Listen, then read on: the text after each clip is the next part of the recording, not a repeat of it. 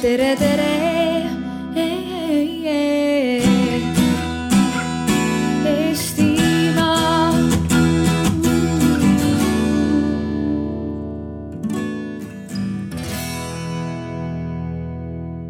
Küsimusele, et kas me peaksime sisse tooma nüüd äh, ühte või teist tööjõudu, siis ma pigem sõnastaks selle niipidi, et äh, kui me mõtleme, et kuhu Eesti on jõudnud viimase viie aastaga, siis Eestis keskmine palk on tõusnud praktiliselt nelikümmend protsenti. Ehk et äh, kuigi alati on küsimus, et me tahaksime, et me elaksime veel paremini, siis keskmine eestlane tegelikult on ikkagi oma elujärge väga hästi parandanud ja, ja kui panna siia juurde nüüd see demograafiline olukord, kus äh, tööealisi Eesti elanikke jääb äh, ikkagi aasta-aastalt vähemaks, võib öelda umbes kuus tuhat töökätt või kuus tuhat inimest on aastas iga aasta puudu selleks, et säilitada sellist heaolu olukorda nagu Eestis on, siis paratamatult me peame mõtlema sellele, et kuidas neid töökäsi juurde saada. Ähm, me oleme rääkinud sellest, et need inimesed peaksid olema siis kõrgema haridusega ja tegema sellist targemat tööd. kindlasti neid inimesi on vaja lühiajaliselt, kui me räägime sellest, et äh,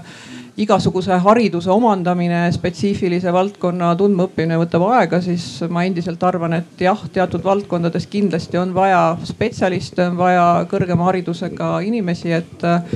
et saaks tehtud ka need targad tööd, aga, aga me peame kindlasti mõtlema ka sellele, kuidas Eesti inimesi suunata õppima neid erialasid, mida tegelikult äh, tööturul vara, vaja on.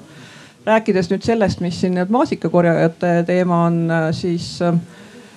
väga paljudes valdkondades tegelikult ettevõtted on tänaseks aru saanud, et me ei tegutse enam odava tööjõu tingimustes ehk et turg on korrigeerunud, paljud ettevõtted on kas siis kolinud oma tootmise tegevuse kuhugi mujale, kus see tööjõud on odavam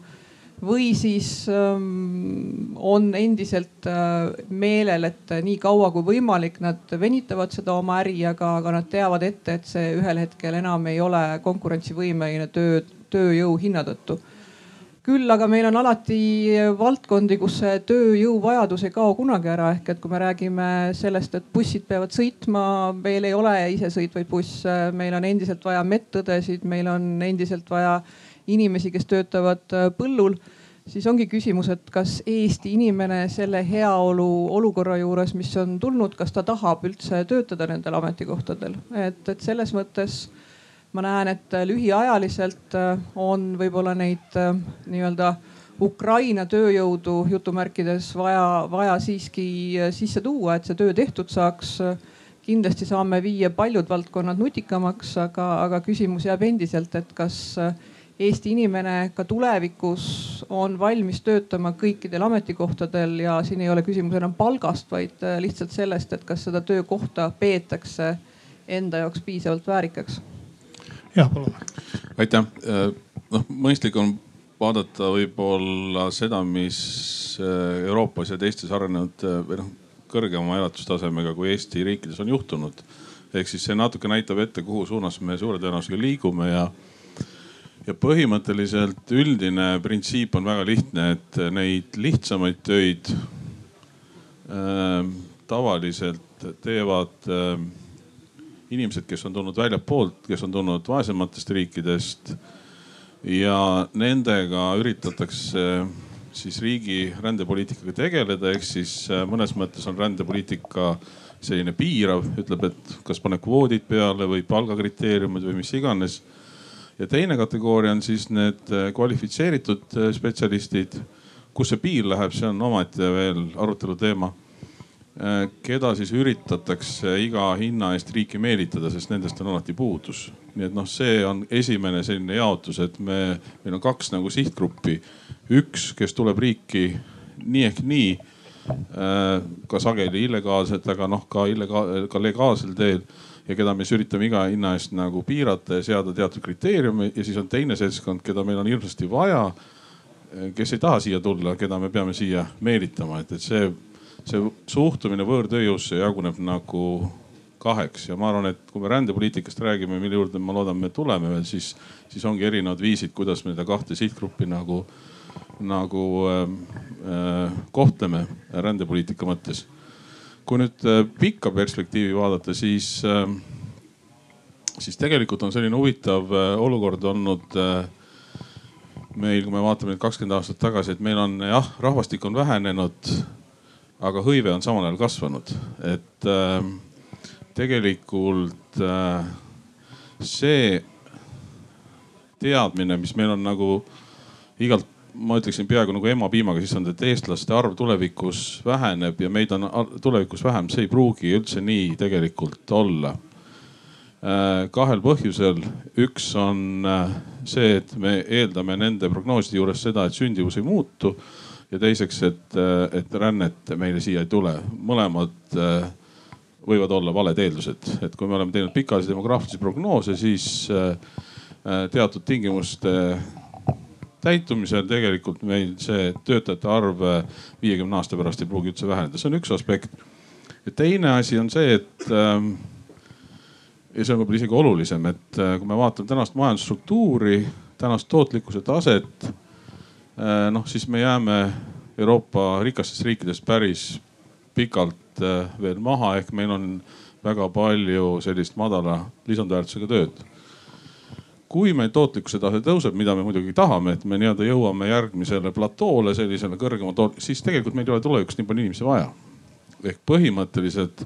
ka see eeldus, et meil on tulevikus vaja sama palju kui inimesi kui täna, on tõenäoliselt vale. sest äh, meil on vaja vähem inimesi, automatiseerimine niikuinii noh, seesama näide, et bussid sõidavad, jah, aga mina arvan küll, et kolmekümne aasta pärast bussid sõidavad ilma bussijuhita, nii nagu täna rongid sõidavad paljudes riikides juba ilma rongijuhita, nii et. Et need asjad muutuvad ja need asjad muutuvad mõnikord kiiremini, kui me tegelikult arvame. nii et noh, ma ei näeks seda asja nii mustades toonides. Jüri, palun. jah see tööjõu temaatika on, on hästi keeruline ja, ja, ja pikaajaline ja, ja eks iga riik peab aru andma, kui palju ta üldse saab nii-öelda administratiivselt reguleerida, et, et kindlasti midagi saab, aga, aga järjest avatumas maailmas ja eriti kui me vaatame Euroopa Liitu, kus, kus tööjõu vaba liikumine on üks aluspõhimõtteid, siis nii-öelda oma riigis nende protsesside väljakujundamine ja, ja kogu selle poliitika väljakujundamine on, on ikkagi piiratud võimalustega ja ma ei ole fatalist, aga mõtleme nüüd, nüüd natukene ajas tagasi, et mis siis toimunud on, noh vaatame seitsmekümnendat, kaheksakümnendat massiline sisseränne, üheksakümnendat, kahe tuhandendat äh, massiline väljaränne ja nüüd oleme justkui uues tsüklis, kus viimased viis aastat on, on jällegi sisseränne ületanud väljarännet. et äh, kui palju sõltub siin ühe väikse riigi oma äh, poliitilistest otsustest, regulatsioonidest on veel omaette küsitav selliste üldiste Eh, arengute taustal. Eh, aga me tahame avalikult ja oleme öelnud, et, et me tahaksime just nimelt eh, kõrgelt haritud spetsialiste, eelkõige oskustöölisi Eestisse tuua ja peaksime soodustada, soodustama nende Eestisse tööle asumist. praktika näitab, et selle kõrval ikkagi väga palju vajab meie majandus ja, ja, ja sisse tuleb siia lihtsamat tööjõudu. Eh, küll hooajatöödele, küll ka alaliselt tegutsevatele ametikohtadele. ja see ei ole seotud ainult demograafiliste protsessidega, siin oli ka hea näide, et, et siin meditsiiniõed ja kes iganes lähevad välja tegelikult on ju nii või, või me vajame neid ja tuleb järjest rohkem sisse ja tulebki. tegelikult samal ajal meil neid samu töötajaid, kes me ise oleme koolitanud, läheb välja et eh, siin on, on niisugune teatud omaette ring, mis on seotud küll majanduslikest heaolust, küll kõigest muust ja, ja kui me vaatame, siis spetsialistid, oskustöölised, eh, kõrgelt kvalifitseeritud tööjõud. Eh, nende jaoks ei olegi oluline ainult ju see palk ja mitte ka ainult need konkreetsed töötingimused, vaid ühiskonna üldine areng tervikuna, millised võimalused on vaba aega veeta, milline on sotsiaalne infrastruktuur, eh, kuidas on tervishoiu, kuidas on haridussüsteem, et, et kui tal ka pere siin töötab, kas on võimalik saada korralikku haridust ja nii edasi, et ühiskonna üldine arengutase on, on väga oluline, et eh, nende inimeste eh, huvi ja motivatsioon oleks siin tegutseda, töötada, et see on terve kompleks asju. aga ma, et olla nii-öelda siin akadeemiku kõrval väärikas, ma ühe väikse lõigu tahaks lugeda, mis puudutab ja mis võib-olla lükkab ümber meie tavaarusaamise. ja see uuring puudutab just nimelt Eestit tööjõu kontekstis. Et me tavapäraselt mõistame seda, et kui, kui tööjõud tuleb sisse, siis see on eelkõige demograafiliste probleemide lahendamine ja, ja vananeva ühiskonna äh, tagajärgedest tulenev ja selle kaudu me noorendame ühiskonda, toome tööjõudu sisse. Ja, ja äh, paraku uuringud näitavad, et Eesti puhul äh, pikas perspektiivis on see olukord vastupidine. Erinevalt paljudest jõukamatest lääneriikidest tuleb vaadata ka, kes on need, kes siia valdavalt tulevad, kui lääneriikidesse tullakse noh, ma ei tea, Türgist, Aafrikast, eks ole, Euroopa riiki silmas pidades, kus nendel põlvkondadel on äh, sündimus ja järelkasv väga suur, siis Eestisse võõrtööjõu sisseränne, kus, kus see tuleb valdavalt venekeelsetest riikidest, on olukord vastupidine. ja siin Eesti uuringud näitavad väga selgelt, et, et, et sisserände abil saab mõjutada rahvaarvu kiiresti kasvu suunas, kuid selle kaugem mõju vanus, vanuskoostisele on piiratud ning Eesti kogemuse põhjal rahvastiku vananemist süvendav. Kuna ka sisserändajad jäävad vanemaks, aga nende sündimus on Eesti puhul olnud põlisrahvastiku omast väiksem, süvendab see pikas perspektiivis negatiivset loomulikku iivet ja rahvastiku kahanemist ja vananemist ja, ja samuti on välispäritolu rahvastikul ja nende järeltulijatel nõrgem side Eesti kui kodumaaga, mistõttu on nende hulgas suhteliselt rohkem väljarändajaid, kes hiljem siia tagasi ei pöördu. et, et me peame vaatama seda tegelikku praktilist olukorda ja, ja Eesti ka, ka Läti ja Leedu puhul me ei saa ennast võrrelda nii-öelda Saksamaa või, või, või ka Soome-Rootsiga, kus see sisserändajate päritolu on, on teistsugune ja taust on teistsugune, nii et vaadates nüüd niimoodi pikemalt ette ja mitte piirdudes ainult tööjõuturuga, siis on meil põhjust äh, olla murelikud selle üle, et, et äh, ka sellise sisserände puhul me tegelikult peame nägema kaugemale ja, ja niisugused pikemad arengud võivad olla hoopis vastupidised sellele, mida me soovime ma küsiks siia täpsustuseks juurde äh, Raul Eametsalt, et, et kas, kas me võime jääda selle väite juurde, et Eesti selliseid tööjõuprobleeme ja, ja üldse rahvastiku vananemise probleeme ei ole võimalik lahendada ilma sisserändeta, et et see, see ongi noh paratamatus, et me peame kedagi igal juhul võtma, on nad siis äh, väheharitud tööjõud või, või kõrgelt kvalifitseeritud tööjõud. et meil on inimesi juurde tingimata vaja, et me siin ise oma sündimuste ja asjadega ei saa hakkama jah, kui me vaatasime nüüd, me vaatasime päris pikka perspektiivi aastani kaks tuhat ükssada, tegime demograafilised prognoosid ja ainukene stsenaarium, mis, mis töötas, et rahvaarv jäi samaks ja isegi natuke kasvas, oli selline, et me suurendame sündivust. noh, ütleme kõige optimistlikumal juhul taastetasemeni, mis on ilmselt natuke ebarealistlik, aga ütleme sinna lähedale ja meil on mõõdukas sisseränne, see ei olnud suur, see oli äh, suhteliselt mõõdukas, võrreldav tegelikult tänase sisserändega. et kui need kaks komponenti olid koos, siis pikas perspektiivis äh, me suudame rahvaarvu nii-öelda säilitada. fakt on see, et äh, kuni aastani kaks tuhat viiskümmend, kui mul õigesti meeles on, ta langeb niikuinii nelikümmend viis, viiskümmend, sellepärast et need on need põlvkonnad, kes nii-öelda praegu juba olemas on, et, et ta pärast seda võib hakata tõusma, kui me suudame sündimust äh, tõsta. kui me sündimust ei suuda tõsta, siis ma olen pigem pessimist, et me ainult rändega suure, suudaksime rahvaarvu hoida. Äh, sest Helir-Valdoril oli õigus, et äh, kui me vaatame täna Eesti venelaste sündimusnäitajad, siis need on madalamad kui äh, eestlaste sündimusnäitajad, ehk siis äh, see vastab tõele, et nii-öelda teise ja kolmanda põlve migrantide sündimus on madalam kui kohalikul, äh, kohalik põlisrahval. Kui me peame siia nii või teisiti inimesi sisse tooma ja, ja tööjõuprobleemide pärast ka, et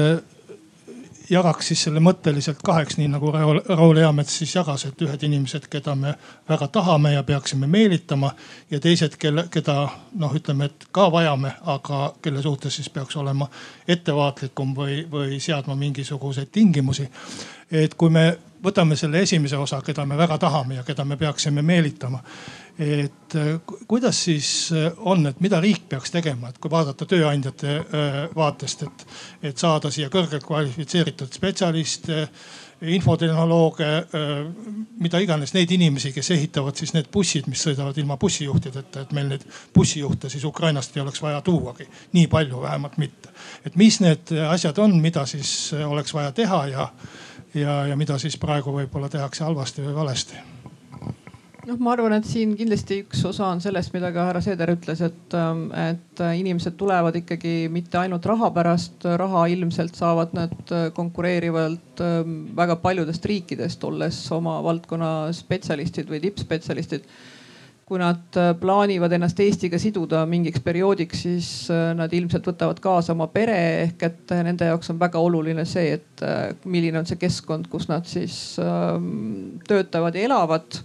milline on nende laste hariduse saamise võimalus, kas see vastab äh, standarditele, et kui sa oled selline nomaad ehk et rändad äh, mingite perioodidega riigist riiki, siis on hästi oluline, et su lastel oleks äh, hariduse ligipääs selliselt, et ta saab järgmisse riiki liikudes samasuguse programmi järgi haridust saada, ehk et väga palju on sellest kinni ja teine osa ka, et äh, mida siis teeb see pere teised liikmed, et äh, lapsed koolis, kas abikaasa leiab endale ka rakendust. et kõik need asjad on äh, tulnud välja, et on, on äärmiselt olulised nendele inimestele, kes siia plaanivad tulla teine teema on kindlasti see, et, et kui lihtne ja, ja arusaadav on kõik see, mida sa pead korraldama enne, kui sa siia riiki tuled, ehk et milline on see bürokraatia, milline on see asjaajamine. Ja, ja tihti me oleme võib-olla siin nüüd Eesti riigina tänu sellele, et meil on selline e-riik äh, tegelikult olnud üsna, üsna mm, heas seisus võrreldes väga-väga paljude teiste ette riikidega, kus paberimajandus, sa pead füüsiliselt kohale minema ja küsimus on siis nagu see nokk kinni, saba lahti, et kas sa saad tulla kohale ennem kui sul ei ole luba tulla kohale ja nii edasi. ehk et selles mõttes ka see pool ja, ja rääkides nüüd sellest, äh, mida me oleme siis oma liikmetelt kuulnud tööandjates, on, on see, et, et äh, et äh, tegelikult, kui me räägime sellistest IT valdkonna kohtadest, siis nendes paraku me muutume üha rohkem maailmaks, kus need inimesed füüsiliselt tegelikult ei pea olema ühes või teises riigis, nad võivad töötada kõikjalt üle maailma. Ja, ja siin tegelikult hakkab mängima siis ka see, et, et millised on äh, tööjõumaksude äh, nii-öelda osakaalud, kui palju sellest äh, pakutava teenuse omahinnast moodustavad kõikvõimalikud maksud, mida siis konkreetses riigis tuleb selle tööjõu pealt maksta. et see on hetkel, ma saan aru, IT valdkonna inimeste jaoks selline peamine küsimus, et, et kas kas lihtsam on värvata endale Ukraina programmeerijaid, kes elavadki Ukrainas ja programmeerivad seal või siis äh, leida neid äh, inimesi Eestis, tuua neid Eestisse, et see kõik on selline ähm, ka aja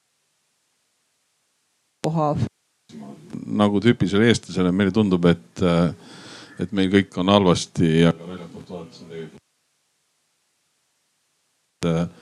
on väga atraktiivne juba täna ja kui me lisame juurde e-residentide teema, noh, mis, mida tuleb nii kaua tuunida, kui see tööle hakkab, nii et me ei saaks neid negatiivseid asjadest seal rääkida, siis tulebki seda nii kaua paremaks teha, et, et need probleemid ära kukuksid. Siis tegelikult meil juba on teatud tõmme äh,. jah, võib-olla äh, me oleme täna nagu äh, eriti vähem kvalifitseeritud tööjõul atraktiivne just endise NSV Liidu aladelt. et, et kui me räägime nüüd äh, kõrgema kvalifikatsiooniga seltskonna poole, siis, äh, siis on muidugi India ja Aasia, kes ka Eestist huvitub, sest see on nende jaoks nagu värav Euroopa Liitu. ja ma arvan, et üks lahendus äh, äh, nende jaoks, kes nagu tahaksid siia tulla, aga me peaksime kuidagi neid selekteerima, on äh, punktisüsteem, mida on kasutatud, kasutanud väga paljud riigid, äh, eriti Anglo-Ameerika riigid, kus kus riik seab teatud kriteeriumid keeleoskus, haridustase, vanus, eelnev töökogemus, seotus selle kodumaa liigiga, eh, selle kodu, kodumaaga, kas tal on varasemad kogemused. Ja kui inimene teatud lävendi ületab, siis tehakse talle, antakse nii-öelda roheline tuli, et see võimaldab nagu selekteerida sellises olukorras, kus meile hakkab tulema noh, ütleme siis eba, ebaproportsionaalselt palju kõrgharidusega inimesi Aasiast, kes, kes just nagu on kõrgelt kvalifitseeritud, aga me tegelikult päris täpselt ei tea, kas nad on või ei ole, et, et noh, me täna nagu riik aktiivselt sellist poliitikat üldse ei tee, meil on meie rändepoliitika on väga lihtne, meil on kvoot ja siis on hunnik erandeid. aga see ei ole tegelikult nagu aktiivne rändepoliitika, me tegelikult ei äh, ei suuna neid rändevoogusid, me nagu ei mõtle selle peale, keda meil tegelikult vaja on. meil on olemas OSKA programm, kus on näha, missugustel elualadel inimesi puudu on, kus on üle. me ei kasuta seda ressurssi üldse, et noh, tegelikult meil puudub selles mõttes täna aktiivne rändepoliitika ja, ja, ja noh, punktisüsteem võiks olla üks osa sellest. Äh, muidugi ta ei saa olla ainukene.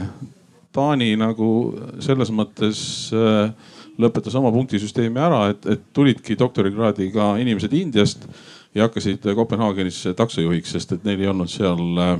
kohapeal tööd. et kui me seome punktisüsteemi töökoha olemasoluga, ehk siis inimesel on olemas ka siin tööandjaga kokkulepe, siis me võiksime saavutada selle, et me saame väga hea inimese ja saame nii-öelda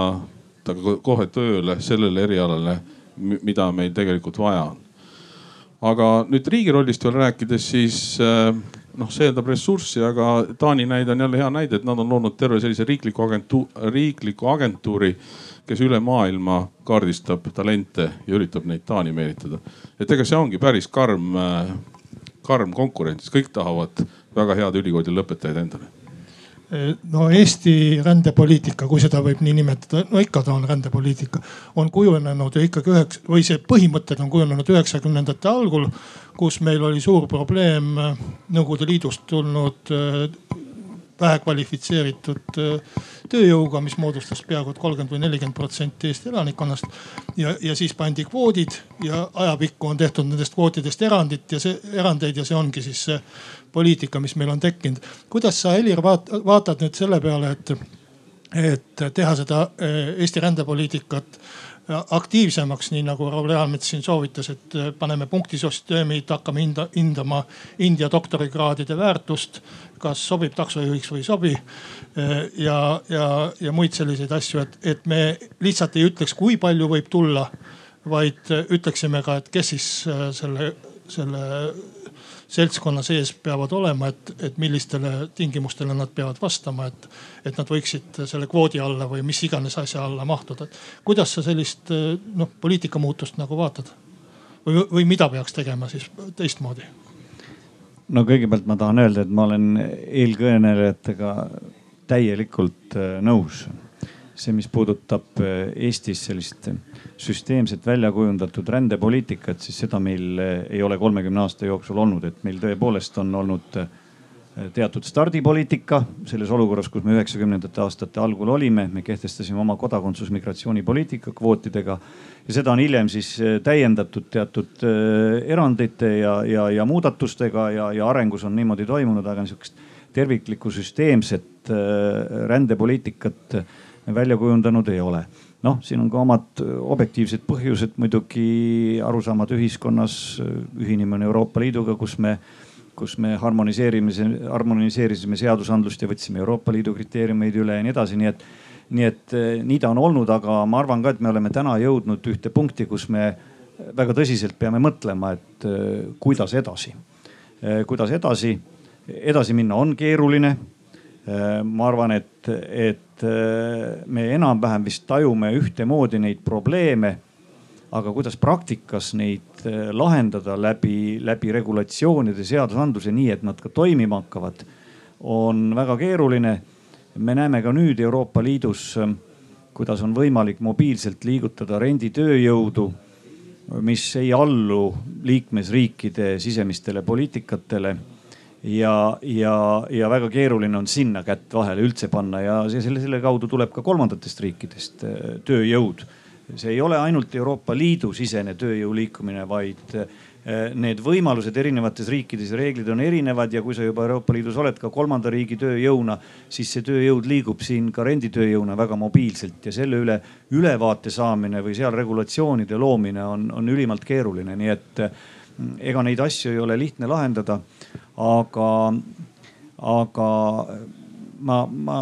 olen ka nõus Kaiga, kes ütles, et kui me räägime siin väga palju IT-sektorist, mis on justkui selline lipulaev ja, ja väga edumeelne, siis järjest enam IT-spetsialistide töökoht ei pea olema füüsiliselt nii-öelda nende tööandja riigis ja seda nii riigisiseselt kui väljaspool riiki. no võtan ka Viljandis mina, Cleveron näiteks. Tootmine on täielikult Viljandis, aga, aga märkimisväärne osa arendajatest ja sellest ajust on Tallinnast, ei pea füüsiliselt Viljandis olema, väga paljudel firmadel on ju, ju ka nii, kes tegutsevad Eestis, aga, aga töötajad on väljaspool Eestit ja ei pea Eestisse liikuma, et see IT-sektor ei ole ei ole kindlasti tulevikus nüüd eh, see, kus, kus füüsiliselt need inimesed tulevad siia, mida me, mida me suurel määral tahame, aga mis võib-olla ei peagi ka ainult eesmärk olema. Eh, nii et see oli pikk jutt, eh, aga, aga vastust ei olnud, aga ega minul ei olegi head vastust, et ma vaatan siia vasakule käele, ma tean, et, et targad akadeemikud, professorid töötavad välja, eks poliitikud peavad neid ettepanekuid ja nõuandeid kuulama, mõtlema, kuidas neid praktikas ellu viia nii, et nad ka eh, tegelikult eh, realiseeruksid riikidevahelises konkurentsis, kus me Euroopa Liidu sees ei ole mitte jõukamate riikide hulgas ja kõik see noh, kogu riigi võimaluste spekter, haridus, tervishoid, vaba aja veetmine, kultuur, infrastruktuur ei ole võrreldav täna Soome, Rootsi ja Saksamaaga, et, et kuidas, kuidas selles olukorras siia tuua just nimelt neid kõrgelt haritud äh, spetsialiste, kes kõike seda nii-öelda muud, mis ei ole üldse tööturupoliitika kujundada, tarbivad ja, ja, ja vajavad, nii et ma ikkagi jõuan selleni välja, et see on kinni ka väga paljuski ühiskonna terviklikus üldises arengus ja üle oma varju me ei hüppa. no üks öö, äh, äh, aspekt või võimalus tuua siia neid inimesi, keda me öö, väga tahaksime võiks ju olla äh, õpiränne, üliõpilaste kutsumine, meelitamine, koolitamine. Äh, ma küsiksin võib-olla, et mitu küsimust äh, korraga, siis saab igaüks endale meelepärastele vastata nendest küsimustest, aga, aga mis peaks olema meie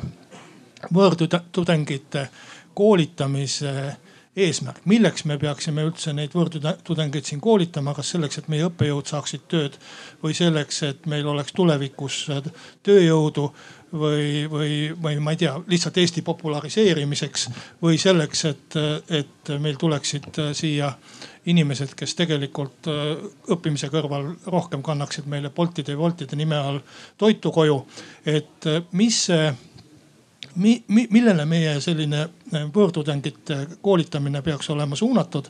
ja, ja kas me võiksime seda näha äh, selle ühte, ühte sellist eesmärki või peaeesmärki näha selles, et me saaksime endale, endale siis head tööjõudu, kes ei ole mitte India doktorikraadiga, vaid on Eesti doktorikraadiga, et äh, hakkame doktoritest pihta. aitäh ähm kõik need punktid on õiged, mis sai ära mainitud, et, et ongi, meil on vaja Eesti saadikuid, kes on Eestis elanud, tunnevad siinseid inimesi ja, ja tutvustavad Eesti kultuuri ja, ja Eesti sidemeid väljapoole. meil on vaja tööjõudu, eriti on see praegult tuntav IT-sektoris kus, kus kuuskümmend seitse protsenti nendest tudengitest jääb Eestisse tööle juba tudengiajal saavad tööd. meil on vaja ka Bolte, seda oli näha nüüd eriti koroonakriisi ajal, meil oli neid vaja ja Bolte ja äh, ja mis seal salata, kindlasti ülikoolidel on see ka lisasissetulek, kui me vaatame kõrghariduse rahastamist, mis viimased viis-kuus aastat olnud ühe paiga peal, siis on see lisasissetulek. ja, ja nii-öelda oma kogemust võin öelda, et see kindlasti paneb ka õppejõule täiendava pressi peale, et sa ei saa nagu äh,, välistudengid on üldiselt äh, häälekamad ja sageli nõudlikumad kui Eesti tudengid ehk äh, sa ei saa latti nagu väga madalale lasta, nii et äh, kindlasti on siin ka mingi efekt äh, kvaliteedile. küsimus on, et kas me peaksime seda kuidagi piirama või kas me noh, mis on nüüd teema olnud, et kas me peaksime välistudengite töötamist piirama, siis äh, mina ütleksin niimoodi, et äh, ilmselgelt me peaksime usaldama siin ülikoole, et kui tudeng tuleb Eestisse selleks, et ainult teha tööd ja mitte õppida, siis ta on siit aasta pärast läinud. ja see on igal pool maailmas niimoodi, et kui ta eksmatrikuleeritakse, öeldakse, tore olid, proovisid ja, ja koju sõit, ehk siis äh, kui sa ainult tööd teed, ei õpi, siis sa, siis sa lihtsalt kukud sellest äh, kavast välja. see see on nii lihtne, see ongi tegelikult. kui sa suudad samal ajal täita õppekava nõuded ja samal ajal töötada, siis on see väga okei okay., nii teeb väga palju ka Eesti tudengeid. ja kui me Eesti tudengitel lubame töötada ja välistudengitel ei luba, siis see tundub suhteliselt jabur minu jaoks äh, omaette teema on, äh, mis on ka nüüd meil ajakirjanduses olnud, on see pereliikmete teema ja noh, siin võib-olla tõesti on vaja natukene mõelda, kuidas seda reguleerida, et noh, näiteks kui me räägime doktorantidest, kes on juba, kes ei ole värskelt keskkooli lõpetanud. kui nemad võtavad naise ja lapse kaasa, siis see on noh, suhteliselt elementaarne või see, see peaks nii olema, sellist asja ei takista ükski riik aga kui tuleb äh, bakalaureuse tudeng, kellel on juba värskelt abiellunud naine kaasas ja me ei tea tegelikult, kas see on fiktiivne või äh, päris abielu, siis siin võiks natukene karmimalt sellele otsa vaadata, et äh, natukene nii-öelda võib-olla õppetaseme ja vanusega seda asja reguleerida, sest noh, tänagi raadios kuulasin, räägiti fiktiivsetest paaridest, kes õppetoetust välja välja petavad riigi käest, et ja ega see välismaalaste puhul võib samamoodi olla, nii et et siin ma nagu teeksin võib-olla vahet äh, õppetasanditel, et võib-olla magister ja, ja baka olla natukene karmim, doktoranti puhul kindlasti mitte. aga üldine suhtumine kindlasti peaks olema positiivne, sest see on hariduse eksport, see on igas, see on samasugune nagu eksport, äh, ükskõik mis asja eksport, et kui meile tuleb ja tahab tulla välistudengeid, siis seda nagu piirama hakata oleks riigi poolt sama rumal, kui hakata piirama mis tahes muud eksporti. Kairi Ala jah, ma olen selles mõttes nõus ähm, ja, ja tahaksin ainult täiendada võib-olla sellest, ähm, et minu jaoks tegelikult see, mida noor õpib ülikoolis, ei sõltu sellest, äh, mis äh, päritolu ta on, et kas ta on Eesti inimene või on ta tulnud välistudengina. minu arvates kõige olulisem on ikkagi selle nii-öelda õppekavade osas äh, veenduda, et me suuname inimesi õppima neid erialasid, mida tööturul äh, tegelikult äh, vaja on, ehk et see proportsioon oleks mingit moodi sõltuvuses sellest, mis on nii-öelda see tööturu vajadus, mitte ka ainult sellel hetkel, kui noor õppima asub, vaid ikkagi mõeldes sellele, et kui ta selle kooli lõpetab, et et ei toodetaks üle hetkel, võib-olla mina oma töös näen seda, et väga palju on noori sellise üldise äh, ärijuhtimise erialaga, kus sul ei ole mitte mingisugust valdkonna ettevalmistust. et sama asi kindlasti on ka nende välistudengitega, et kui me tahaksime näha neid tulevikus Eestis töötamas, siis tegelikult me peaksime mõtlema sellele, et et see eriala, mida nad siis siin omandavad, oleks ka meil tööjõuturul tegelikult vajalik ja meil oleks ka seda tööd pakkuda ja, ja olen nõus, et õppimine töö kõrvalt, kooli kõrvalt ei ole kerge, ei ole kerge Eesti tudengitele, ei ole kerge praeguse õppekavade ja põhimõtete juures ka välistudengitele. aga mingil määral on see vältimatu, sest et tegemist on noore inimesega, ta peab saama nii-öelda lisavõimaluse teenida endale ja neid ametikohti, kus need äh, tudengid, äh, nii meie tudengid välismaal õppides kui, kui ka meie tudengid Eestis, neid äh, töökohti on, mis on võimalikult paindlikud ja võimaldavad neil mingisuguse koormusega töötada. no küsimuses oli ju suur osa vastusest ära, et, et ma arvan, et, et välistudengite Eestis õppimine ideaalis peaks ju aitama kaasa meie niisuguse heas mõttes rahvusvahelikustumisele ja ja, ja tõstma ka akadeemilist taset ja, ja avatust. teiselt poolt kindlasti andma ülikoolidele võimaluse eh, teenida ka raha, kolmandalt poolt on see eh, vajalik eh, ka meie enda tööjõuturule, et, et kindlasti üks osa siin õppivatest tudengitest tulevikus peaks ju leidma võimaluse orienteeruma Eesti tööjõuturule. ja siin see küsimus, et, et kuidas õpetatavad erialad oleksid rohkem seotud Eesti tööturuga ja, ja selle vajadustega on hästi keeruline, sest ülikoolid on meil autonoomsed. see on küsimus, kui palju nüüd siis tööandjad ja riik ja, ja ülikoolid omavahel koostöös suudavad seda teha. minu arvates ka meil on võib-olla liiga palju neid erialasid, mis võib tulla ka just nimelt välisüliõpilastega, kes ei ole orienteeritud ju ainult Eesti tööjõuturule ja sellele vajadustele.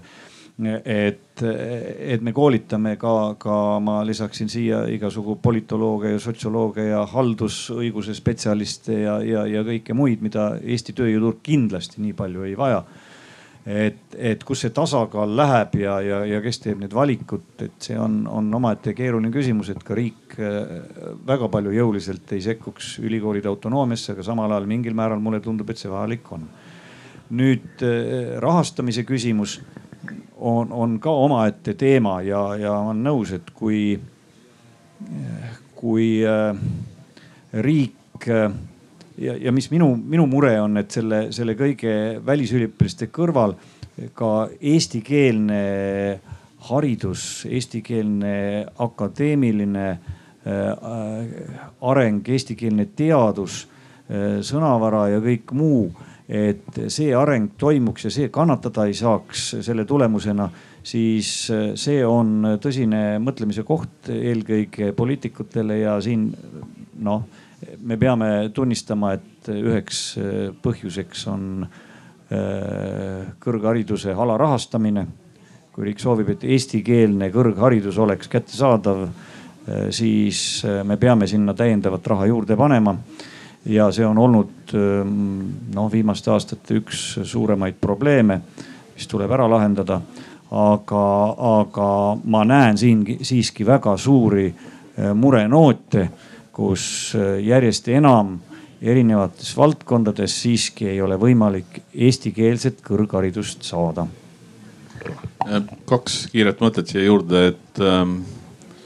üks probleem või üks teema, mis on tekitanud väga palju poleemikat ühiskonnas, on see, et me õpetame välistudengeid tasuta ehk Eesti maksumaksja raha eest. ja täna vähemalt Tartu Ülikooli näitel ma võin öelda, et me oleme selge suuna võtnud äh, selle osakaalu vähendamiseks äh, ja noh, põhjus, miks me neid tasuta kavasid äh, pakkusime välistudengitele, et meie nii-öelda turg täna on ida pool Ukraina, Valgevene, Gruusia äh, äh, kus tõesti sissetulekute tase on madalam ja selleks, et nad üldse meile tuleksid, me selliseid tasuta programme pakkusime, aga nüüd on nii-öelda mitu aastat juba need asjad toiminud ja turg on nii-öelda sisse söönud ja nüüd me vaikselt kasvatame kogu aeg äh, seda tasulist osakaalu ehk, äh, ehk siis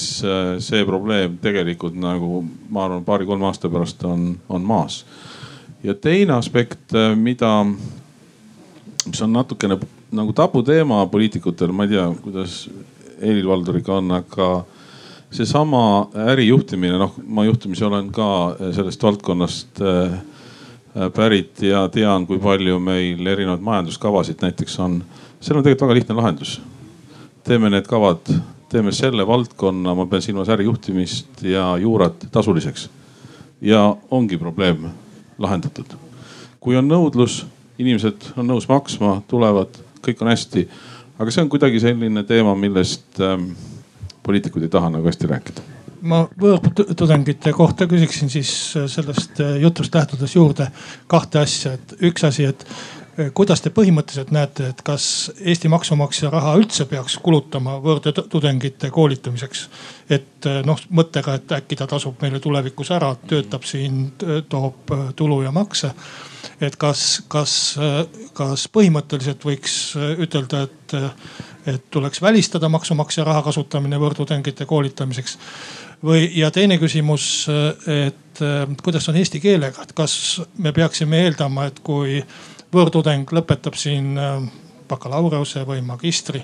on kolm või viis aastat õppinud et kas tal peaks olema ka mingisugune eesti keele tase, et kas selle kursuse sisse, mida siis pakutakse, olgu tema raha eest või olgu maksumaksja raha eest, peaks kuuluma ka see, et ta on sisuliselt võimeline integreeruma ühiskonda ja rääkima selles keeles palun jah. ma kohe siis kiirelt. ma arvan, et kõik võivad seda okay. teemat kommenteerida. et äh, täna noh, mina näen seda arengut sellisena, et on teatud valdkonnad, seesama IT-sektor,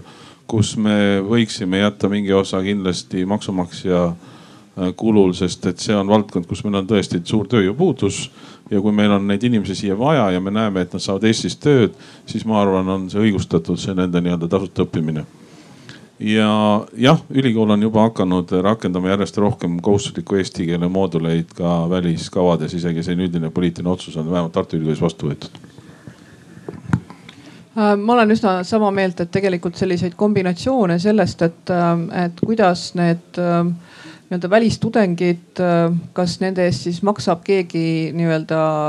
tööandja, kes nad juba on nii-öelda mingi osaga tööle võtnud. et neid erinevaid kombinatsioone on kindlasti rohkem kui ainult see mustvalge vaade, et maksab või ei maksa, et tegelikult oluline on see, et, et sellel noorel, keda me väga tahame siin Eestis koolitada, oleks tegelikult perspektiiv Eestisse jääda kui me räägime eesti keele oskusest, siis ma siinkohal võib-olla saan tuua näiteid omaenda päris töökohalt, kus ka tegemist on rahvusvahelise ettevõttega.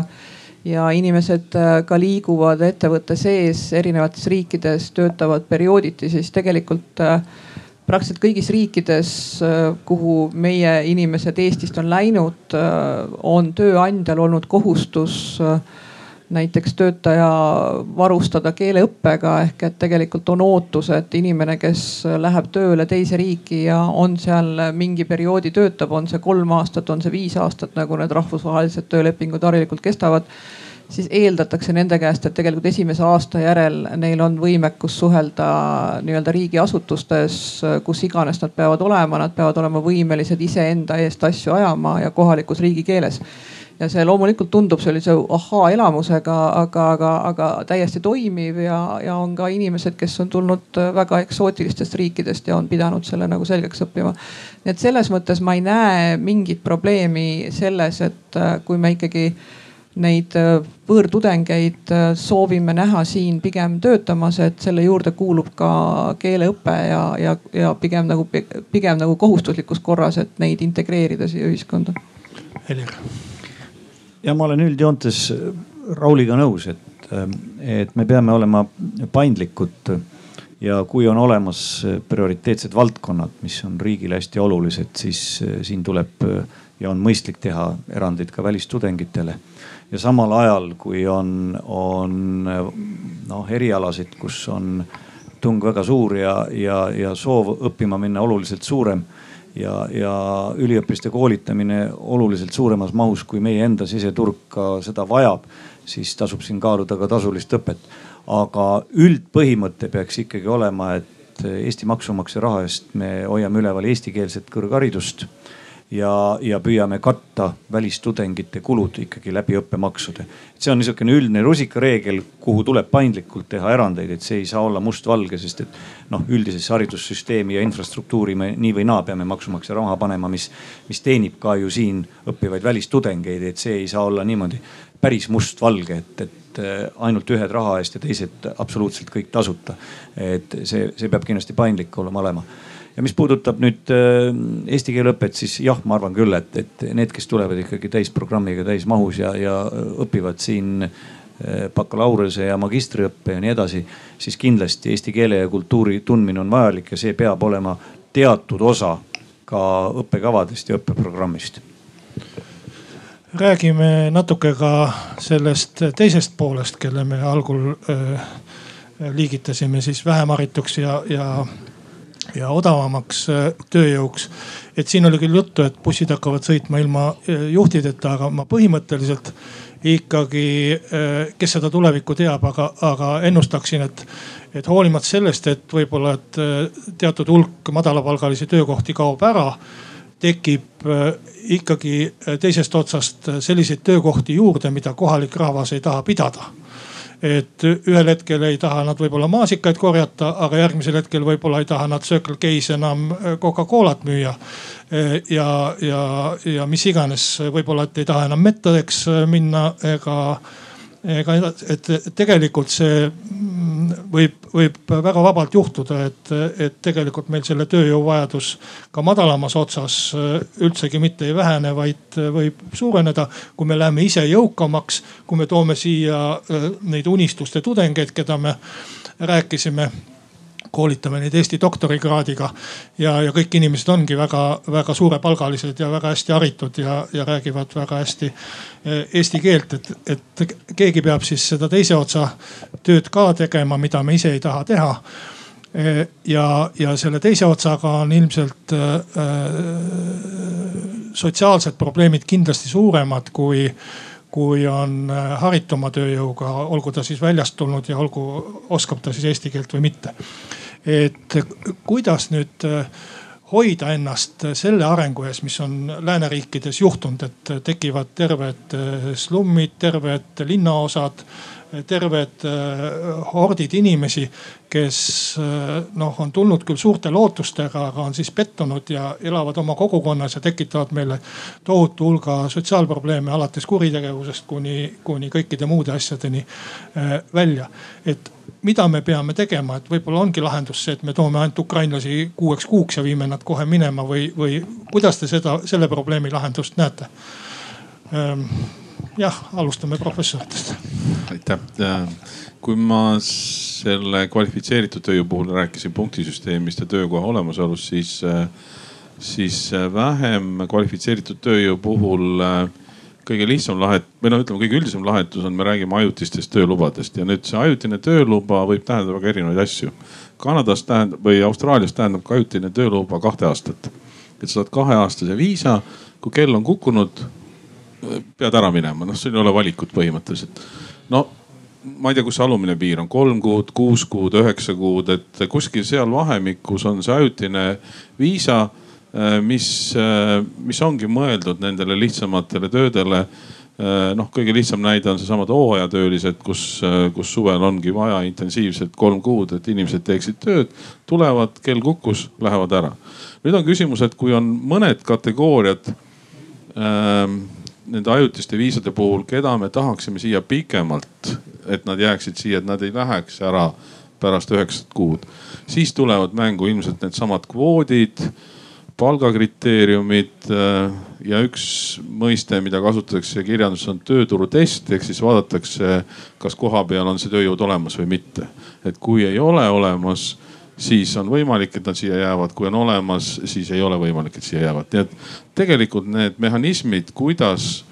äh, seda lihtsamat tööjõudu nii-öelda ohjata on maailmas täiesti olemas ja me peaksime nendele otsa vaatama ja mõtlema, milline on äh, Eesti skeem. Helir on siin hakkamas. jah,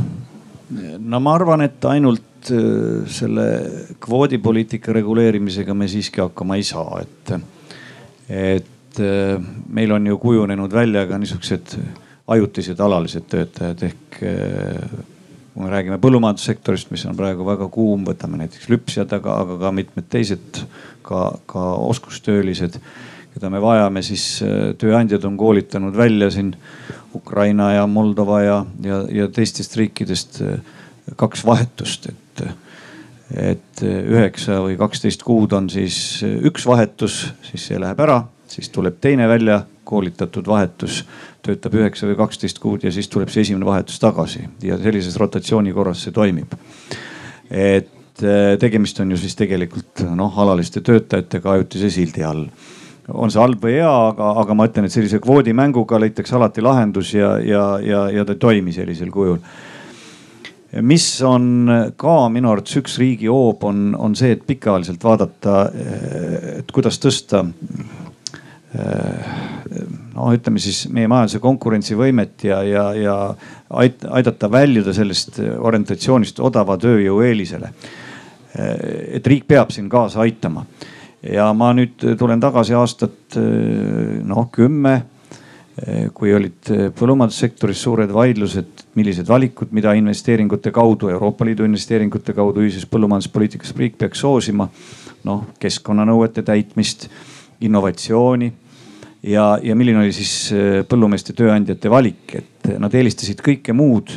investeeringute puhul välja arvatud, ma nüüd natuke lihtsustan, eks ole, aga, aga selles on suur tõde. Äh, kõike muud ja, ja kõige viimane oli siis äh, odava tööjõu asendamine ehk väga paljud tööandjad ütlesid, et, et ma ei lähe automaatlüpsiplatsidele, et mul on vaja keskkonnanõudeid teha, ma leian siit veel odavat tööjõudu küll, lüpsjat ja nii edasi ja tehti need investeeringud ära, aga need on aasta, viieteistkümneks, kahekümneks aastaks tehtud ette investeeringuid ja täna me oleme seal, kus, kus tehti see investeering ära Euroopa Liidu abidega tehti mujale, aga mitte ei, ei likvideeritud seda lihtsat tööjõudu ja, ja, ja võib-olla ka sellist tööjõudu, mis, mida inimesed ei tahagi teha isegi suurem raha eest, sest see on raske töö kindla graafiku kellaaja järgi. et seda ei taheta ka, ka ju äh, raha eest väga teha, see on, on keeruline, raske töö, mille võiks juba ammu äh, masinad asendada ja, ja, ja mille jaoks on lahendused olemas. et see on ka see koht, kus riik peab läbi pikemaajalise investeerimispoliitika vaatama ette ja suunama äh, neid investeeringuid nii, et, et mõeldes tulevikus ka, et tööjõuressurss ei ole ka piiramatu ressurss, nii nagu paljud muud loodusressursid et, et see on asi, milles minu arvates riik ei ole piisavalt sihipäraselt ja kindlalt käitunud no siin äh, lisaks riigile lendas kivi ka tööandjate kapsaaeda, vähemalt kaudselt. Et äh, kuidas Kai Realo sellega on, et äh, kas tööandjad siis hoiavad viimseni kümne küünega kinni odavast Ukraina tööjõust või ma ei tea, mis see odav tööjõud tänapäeval üldse on? ma nüüd päris nii reljeefselt ei väljendanud ennast no mina väljendasin nii reljeefselt ennast ma pean ausalt tunnistama, et tegelikult ega me olemegi sellises ettevõtetega sellises murdekohas, et kui ma vaatan ettevõtteid, siis on neid, kes tõesti äh, on äh, sellisel teelahkmel, et äh, kas teha see investeering digitaliseerimisse ja, ja nii-öelda minna edasi selle äriga, kus nad on kaasaegsemal moel või siis nii-öelda nagu ma ütlesin, venitada viimse hetkeni, kuni neid inimesi veel kuskilt saab, kes siis seda odavat tööd teeb. Aga, aga teatud mõttes me peame nagu aru saama, et me ei eksisteeri nagu Euroopa Liidus nagu üksinda, et äh, võib-olla toon kõige markantsema näite, et, äh, et tööjõu nii-öelda hinnatõus äh, toob kaasa ju ka selle, et toote omahind tõuseb. Ehk et kui me palju räägime sellest, et eestlane, eestlasele väga meeldib Eesti toiduaine näiteks, siis kui tal ikkagi on nagu letil kõrvuti selline odava tööjõu poolt nopitud maasikas kuskilt Hispaaniast ja seal kõrval on siis see kallis Eesti maasikas, siis olgem ausad, inimene paratamatult otsustab selle soodsama toote kasuks ja, ja kui sa oled selles äris ettevõtjana siis sa mingil hetkel pead mõtlema sellele, et kuidas sa siis seda oma toote omahinda alla viid, et ta on, ta on natukene nagu selline surnud ring. aga ma olen täiesti nõus, et äh, keskmine ja väike ettevõte vajab riigi süsteemsemat tuge ja võib-olla isegi mitte rahaliselt, vaid, vaid just sellist nagu suunavat tuge kuidas leida endas seda jõudu ja ressurssi minna üle nendele kaasaegsematele, vähem tööjõumahukatele protsessidele, sest et äh, kindlasti mingites valdkondades seda saab teha. Ja, ja siis on juba need töökohad äh, nagu siin äh, väga arenenud riik nagu Jaapan näitab, et nagu vanade inimeste hooldust ei ole võimalik sul vaatamata igasugustele robotitele tegelikult väga palju automatiseerida et siis teatud ametikohad ikkagi jäävad, kus tuleb leida seda lisamotivatsiooni, et inimesed tahaksid teha sellist võib-olla isegi mitte füüsiliselt, aga vaimselt keerulist tööd kus isegi see rahanumber ei ole enam see, mis seda motiveerib tegema, vaid sul tuleb leida inimesi, kes juba nii-öelda teevad seda kutsumuse pärast. paar kiiret mõtet lisaks veel. see, et tulevikus on vaja lihtsaid töökohti, see ei tule mitte sellest et me teame, millised need lihtsad töökohad on, vaid elu on näidanud, et igasuguse uue tööstusrevolutsiooniga, kus paljud töökohad kaovad ära, tekib sama palju ja natuke rohkem töökohti asemele. et, et me täna neid kõiki lihtsaid töökohti, mida tulevikus vaja on, veel ei kujutagi ette, aga need ei kao mitte kunagi ära. ja, ja teine mõte on see, et meie tänane rändepoliitika, ükskõik milline ta on, minu arvates on üks paremaid innovatsioonipoliitikaid Euroopas, sellepärast et äh, kui sa ei saa odavat tööjõudu sisse tuua siis sa pead midagi välja mõtlema. ja kui me vaatame täna poodidesse, siis äh, noh, me näemegi järjest rohkem iseteenindavaid kassasid. Äh, me näeme, et ettevõtjad on tegelikult sunnitud tegema investeeringuid masinatesse, sest seda odavat tööjõudu lihtsalt ei ole võimalik tuua sisse. nii et see on selles mõttes ilma, et seda teadlikult oleks tehtud, olnud väga hea äh, innovats-, innovatsioon. ettepanek on äh, panna piir kinni selleks, et äh, kõik ettevõtjad innovatsioon. aga see on enam-vähem tegelikult nii juhtunud, sellepärast et ei ole saanud piiramatult tuua sisse väga odavat tööjõudu. ja noh, tegelikult seal on ka piirang selles, et kui ma nüüd oma ärist räägin, siis äh, isegi ka parema tahtmise juures see Ukraina tööjõud mind ei aitaks, sest et tegemist on ikkagi eesti keelt, teenindust äh, vajavate inimestega, nende õpe ei ole võimalik me ei suuda isegi õpetada Eestis aastaid elanud äh, vene rahvusest inimesi rääkima eesti keelt sellisel tasemel, et nad suudaks ära teenindada.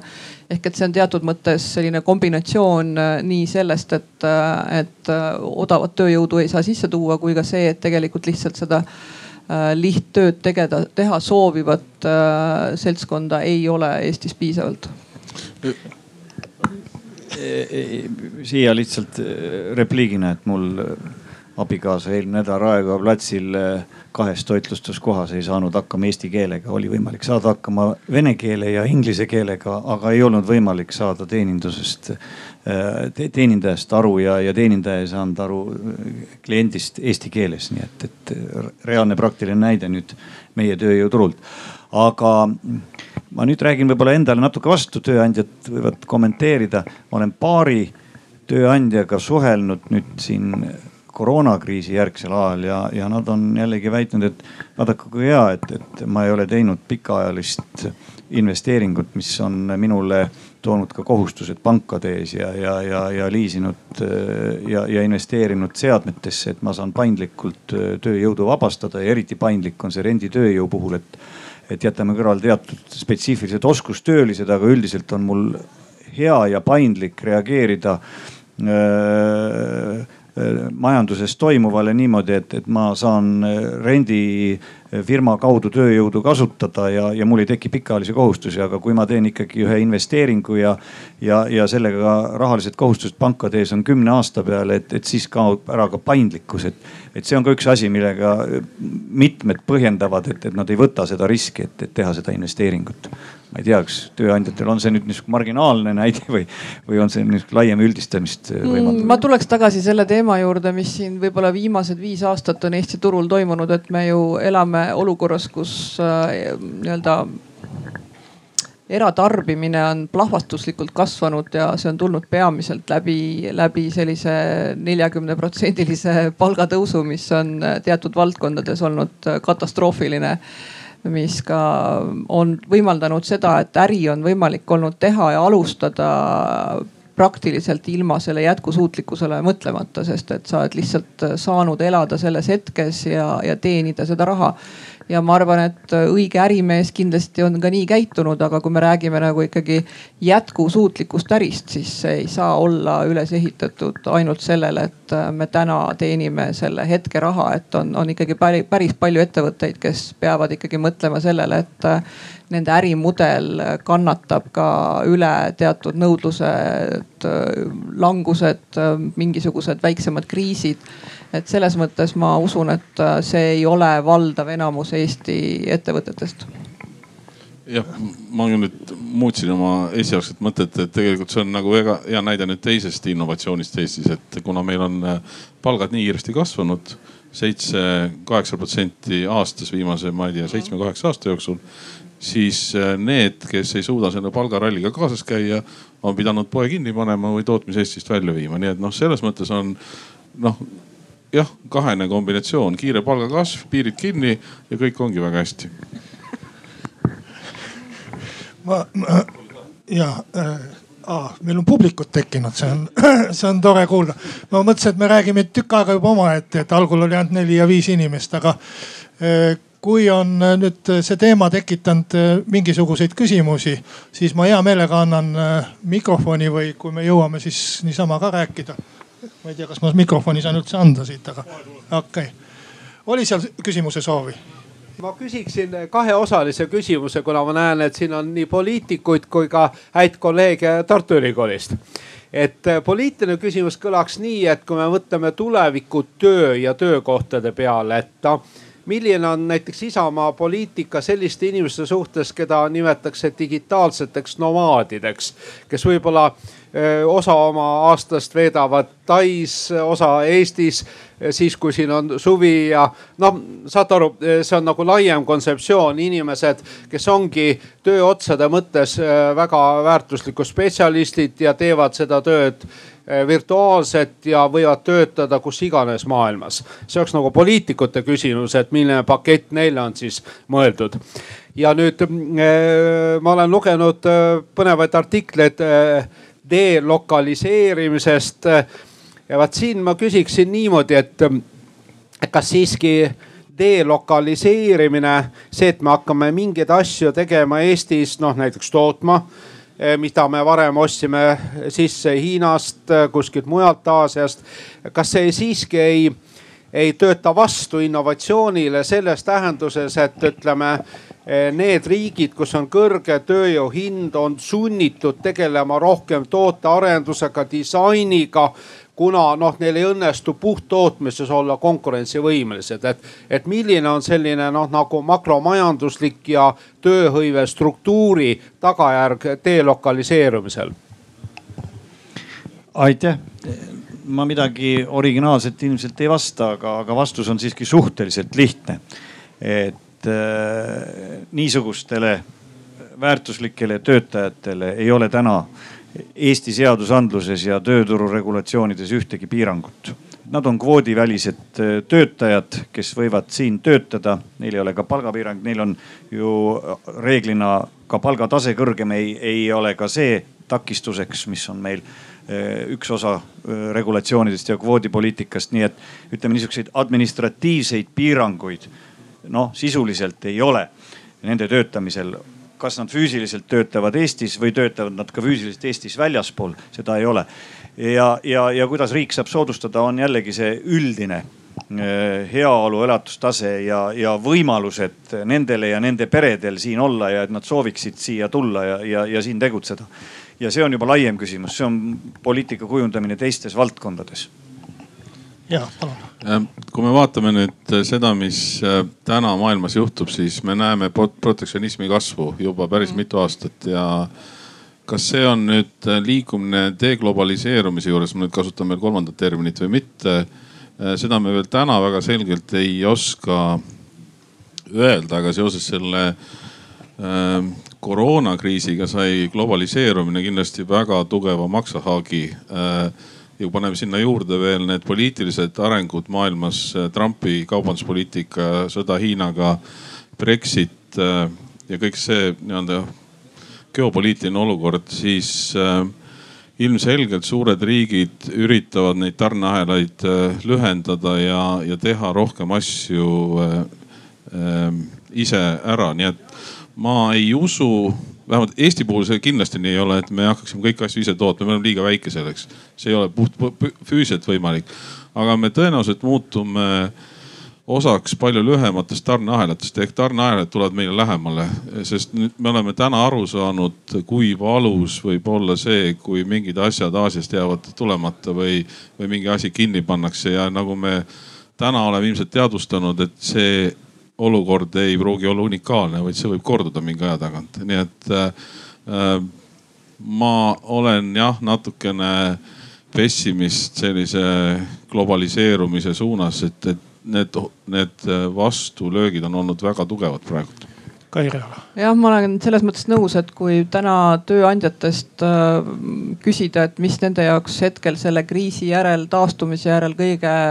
suuremat väljakutset pakub, siis äh, tegelikult on see just sellest protektsionismist tulenev äh, nii-öelda ekspordi äh, et ei suudeta olla konkurentsivõimelised, ei pääseta üldse löögile oma, oma toodetega lihtsalt seetõttu, et riigid on üritanud nii-öelda sulgeda oma, oma hankeid. ehk et see on täiesti tegelikult ka päris tõsine probleem ja, ja hetkel on ebaselge, et kas see nüüd jääb selliseks tänu sellele koroonakriisile või, või see on natuke nii-öelda pikaajalisem äh, mõju, et meil tuleb ka enda nii-öelda ekspordiartikleid hakata ümber vaatama. võib-olla ma lisaks sellele, miks äh, lisaks sellele koroonakriisile me ikkagi ühel hetkel näeme, et äh, jah, ma olen ka nõus, et Eesti kindlasti ei ole võimeline kõike iseendale tootma, need tarneahelad lähevad lühemaks, aga selle üks mõjutegur on ka kindlasti need kliimanõuded, mis tulevad, ehk et me peame aru saama, et tõenäoliselt ühel hetkel iga kaubale lisaks tema omahinnale ja transpordi hinnale saab olema mingisugune nii-öelda kliimakoefitsient, mis veel seda omahinda tõstab, ehk et me peame aru saama, et, et vähem on mitmes mõttes parem. aga kuidas see kõik hakkab välja nägema, seda kindlasti täna on keeruline öelda jah, ma lihtsalt äh, ühe mõtte lõppu unustasin öelda, et, äh, et mis see tulemus on, tulemuseks on inflatsiooniline majandus. Ehk me näeme tulevikus äh, hinnakasvu, kas nende keskkonnanõuete pärast, sellepärast, et me toome odava tootmise Aasiast ära ja pluss kolmas komponent on muidugi veel see metsik rahatrükk, mis täna toimub, nii et tegelikult me elame tulevikus kõrgemate hindadega majanduses, see on see majanduslik tagajärg. Noh kõrgemate palkadega ka ilmselt, aga, aga kas kellelgi on veel küsimusi? Ei, ei näe hetkel. et äh, ma selle madalapalgalise tööjõu kokkuvõtteks veel küsin üle. Äh, ma isegi ei saanud päris täpselt aru, et kas äh, kõigi kõnelejate idee ja mõte lühidalt ja lihtsustatult kokkuvõttes oleks ikkagi see, et madalapalgalist tööjõudu me toome siia ajutiselt, et kas see on kuus kuud, üheksa kuud või mõnel puhul kaks aastat aga et tulete, teete tööd, lähete ära. et kas, kas see peaks olema nagu riigi poliitika äh,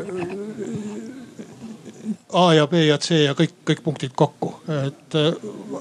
alustame. ma, ma lihtsalt täpsustan üks asi, millest ma sain aru, kui ma tõin ka kvoodi teema sisse, et sellest ei saadud päris õigesti aru, et äh, jah, me toome need ajutiselt sisse, aga siis on meil mingi seltskonna jaoks, keda me arvame, et meil on vaja, noh, võib-olla meil on vaja ma ei tea, sadat lüpsjat. me saame viia nad üle pikemaajaliste töölepingute peale, et seal tulevad need kvoodid mängu, et, et me ei välista seda. ma arvan, et noh, me ei tohi ühtegi asja nagu kivisse raiuda, et kui on kui on lihtne tööjõud, siis on ainult selline variant ja mingit muud varianti ei ole. kui on kõrgelt haritud, siis on ainult selline variant. vahepeal peab olema ka mingisugune üleminekuvõimalus mingi seltskonna jaoks, keda meil vaja on. Olgu see siis, et meil ei ole neid inimesi, olgu seal vahel palgakriteerium, mis iganes, aga et noh, peavad mingid üleminekud olema, aga üldine põhimõte on see jah, millest alguses juttu oli. no hooajaliste töö, töötajate puhul jah, vastan täielikult otse, et, et loomulikult ajutised tööjõuload ega äh, lüpsja ei ole ajutine tööjõud, lüpsmine toimub aastaringselt, ööpäevaringselt loomadega, et, et see, et meil on. lüpsjaid toome siis alaliselt. jah, et vaat lüpsjatega on niimoodi, et lüpsjate puhul ma siin püüdsin ennast väljendada, et minu arvates on võimalik siin suurel määral asendada see raske töö automatiseeritud lahendustega, mida, mida järjest rohkem on ju tehtud. nii et, et me peame püüdma ühtpidi seda rasket füüsilist tööd vähendada läbi innovatsiooni no see on üks lahendus ja teine niisugused hooajalised tööd, mida tõepoolest on vaja, eriti meie väikeriik, kus seda paindlikkust on vähe. et siin me kasutame hooajatöölisi ja toome neid ajutiselt sisse, mitte alaliselt sisse. Ma ka eristaks, võib-olla kõige olulisem on see, et harilikult nagu kohe seotakse sellised äh, teatud töökohad nagu ka märkega, et see on nagu odav äh, tööjõud, et tegelikult väga selgelt tulekski jah vahet teha sellega, et kas tegemist on täiesti erialaoskusteta nii-öelda odava hooajatöölisena või siis tegemist äh, on ikkagi nagu mingis valdkonnas spetsiifiliste oskuste ja oskusteadmisega inimestega. ja olen ka sellega nõus jah, et, et me peame innovatsioonist ja digitaliseerimisest ja kogu sellest digipöördest võtma maksimumi aga, aga kindlasti tuleb vaadata eraldi seda, et kas see inimene täidab lihtsalt sellist füüsilist nii-öelda masina käepikendust või tegemist on äh, inimesega, kellel on äh, oskused, mida me ei suuda Eestis lühiajaliselt äh, ühel või teisel põhjusel kas inimestele õpetada või me ei leia seda tööjõudu, kes oleks nende oskustega, et siin on väga-väga selge erinev vahe. no nii, me oleme siin tund ja veerand äh, rääkinud, et aeg on hakata otsi kokku tõmbama. aga ähm, ma võib-olla sellise viimase kokkuvõtvat lühikese teema äh, juhataks sisse nii umbes, et, et äh, meil on tegelikult tegemist ühe sellise kapitaalse probleemiga, riigi ühe, ühe kõige tähtsama probleemiga, tööjõu probleemiga ja rändeprobleemiga, mis on mis on kindlasti väga olulised. samal ajal me kolmkümmend aastat, noh, see probleem võib-olla ei ole meil nii aktuaalne olnud kolmkümmend aastat, aga, aga kolmekümne aasta jooksul ei ole mingit olulist nagu muutust oma rändepoliitikas teinud peale selle põhialuste, mis me kolmkümmend aastat tagasi paika panime. ehkki survet on igasugust olnud ju, ju ikkagi suhteliselt pikka aega, küll väljarände tõttu, küll, küll töökäte puuduse tõttu, küll selle neljakümne protsendise palgakasvu tõttu, mida Kai siin mitu korda mainis. Et mida nüüd peaks tegema, et me endale noh, mingisuguse sellise terviklikuma ja, ja võib-olla ka uutest oludest lähtuva Äh, poliitika üldse kujundaksime, et kuidas seda survet riigile tekitada, äh, kuidas, äh, kuidas seda käsitleda olukorras, kus me tahame kõiki küsimusi väga lihtsalt sõnastada, kui on must, näita ust või, või, või mingisuguseid selliseid loosungeid loopida. ja, ja et asi veel segasemaks ajada, ma küsiksin juurde, et kui teie oleksite Eesti isevalitseja et mis oleksid need rändepoliitika põhipunktid või, või põhiasjad, mis te siis, siis teeksite, et on neid üks, kolm või viis, aga mingi, mingi lühike, lihtne loetelu asjadest, mida riik peaks tegema ja kuidas me selleni peaksime jõudma. kellest me alustame no,? alustame Raul Eametsast ähm, ma olen nüüd Tiit Tammaragu rändeteemadega koos tegelenud äh, juba aastast kaks tuhat ähm, kolmteist, kui me alustasime Kumus migratsiooni või rändekonverentsidega ja, ja me tõesti oleme ette valmistamas ühe suure projekti raames praegult ka konkreetseid äh, poliitikaettepanekuid. ma mõningad ideid siin juba viskasin õhku, mis puudutas siin vähekvalifitseeritud ja kvalifitseeritud tööjõudu. aga kui veel üldisemale tasemele tulla, siis äh, ma ütleksin niimoodi, et äh, töörännet riik saab ja peab kontrollima ja see tuleb, seda tuleb teha süsteemselt ja need, need põhimõtted, need ideed need on olemas, väga paljud riigid sellist äh, poliitikat teevad ja me saame võtta häid näiteid üle. õpirännet me peaksime igati soodustama, sest see on ekspordiartikkel Eesti jaoks ja me juba rääkisime välistudengitest pereränne on äh, midagi sellist, kus me peame väga selgelt defineerima pereliikme staatuse. Äh, pereli-, pererännet põhimõtteliselt kinni keerata riigi poolt ei saa, sest et kui kui isa on välismaal, siis on tal nii-öelda inimõigus tuua naine ja lapsed järgi ja see on nagu noh, see on selge. küsimus on, milline ja kui suur on pereliikmete, kes on need lähisugulased, see tuleb ära defineerida. aga, aga siin nagu päris äh, kätt ette panna ei saa. ja need on kolm nagu sellist põhilist äh, rändeliiki ja me peame väga selgelt võtma positsioonid nendes. mis puudutab pagulasi, siis siin me sõltume Euroopa Liidu kokkulepetest, rahvusvahelistest konventsioonidest ja, ja noh, nende osakaal nagu üldises rändes Eesti mõistes on ka väga väike. et me peame nendes kolmes suures kategoorias nagu kokku leppima ja aru saama, et mida me nagu tahame ja et me saame nendest asjadest ühtemoodi aru. täna seda ühtemoodi arusaamist ei ole. Kaire mina tegelikult astuks nagu sammu tagasi, ma arvan, et me oleme täna hästi palju rääkinud sellest äh, rändepoliitikast ja vajadusest, et miks äh, töökohti tuleb nii-öelda töökohtade täitmiseks tuleb inimesi sisse tuua. me oleme hetkel olukorras, kus tegelikult nagu töötus kui selline kasvab ja, ja see on nagu päris harjumatu, sest et viimased X aastat on olnud siin töötustasemel, kus sisuliselt töötud on inimesed, kes ühel või teisel põhjusel ei taha või ei ole valmis tegelikult tööturule naasma. et äh, ma arvan, et me peame natukene ka lisaks sellele rändepoliitikale ikkagi mõtlema sellega, et kuidas omaenda nagu inimeste tööhõivet parandada, kuidas me suuname Äh, nii noori õppima erialasid, äh, mida on vaja ja, ja mis on ka ümberõppe teema, et ega inimene ju ei, ei lähe vabatahtlikult ümber õppima mitte midagi, ta peab olema selleks teatud mõttes kas suunatud või sunnitud. et ma tooksin nagu selle pildi siia juurde, et, et kui täna on töötud nii-öelda pluss kakskümmend tuhat inimest võrreldes nii-öelda kevadise seisuga, siis tegelikult nendele inimestele ju peaks teoorias olema Eestis kuskil töökoht, sest samal ajal vabade töökohtade arv järjest kasvab. kuidas me need kokku viime, see on äh, täiesti omaette teema. et ähm, selles mõttes ma arvan, et ühte ei saa teiseta lahendada. no ühtpidi on vaja sellist pikaajalist läbimõeldud süsteemset rändepoliitikat kindlasti igale riigile ja, ja sealhulgas ka Eestile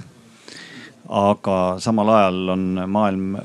väga muutuv ja, ja äkilisi pöördeid viimase viie-kuue aasta jooksul on toimunud äh, väga palju, äh, mida ei ole olnud võimalik äh, mingisugustesse arengukavadesse ja, ja, ja riigi poolt välja kujundatud poliitikatesse sisse kirjutada. et tuletan meelde, kaks tuhat viisteist ka meil mitte ükski erakond oma valimiseelses programmis ei käsitlenud näiteks pagulasteemasid ja see ei olnud Eestis ühiskonnas teema üldse, aga paar kuud äh, pärast äh, pagulaskriisi äh, toimumist Euroopas oli see üle Euroopa teema number üks mis, mis lõhestas Euroopat, mis oli, mis oli väga teravalt üleval. jah, meid puudutas ta suhteliselt vähe, kui me võtame neid pagulaste arvu, aga, aga Euroopat tervikuna ikkagi väga oluliselt. et see oli teema, mis tuli, mida ei olnud kuskil riikide kavades ja programmides ja plaanides sees, mis tuli lahendada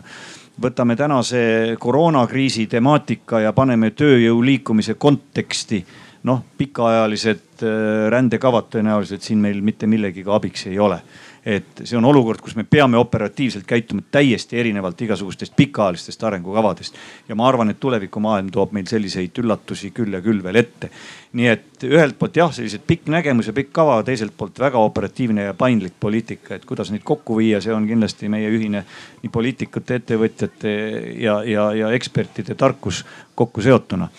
Äh, aga nüüd äh, ka pikaajalistes kavades selle koroonakriisi puhul ma julgeks teha võib-olla sellise järelduse, et, et rääkisime IT-sektorist ja nendest spetsialistidest, et võib töötada nii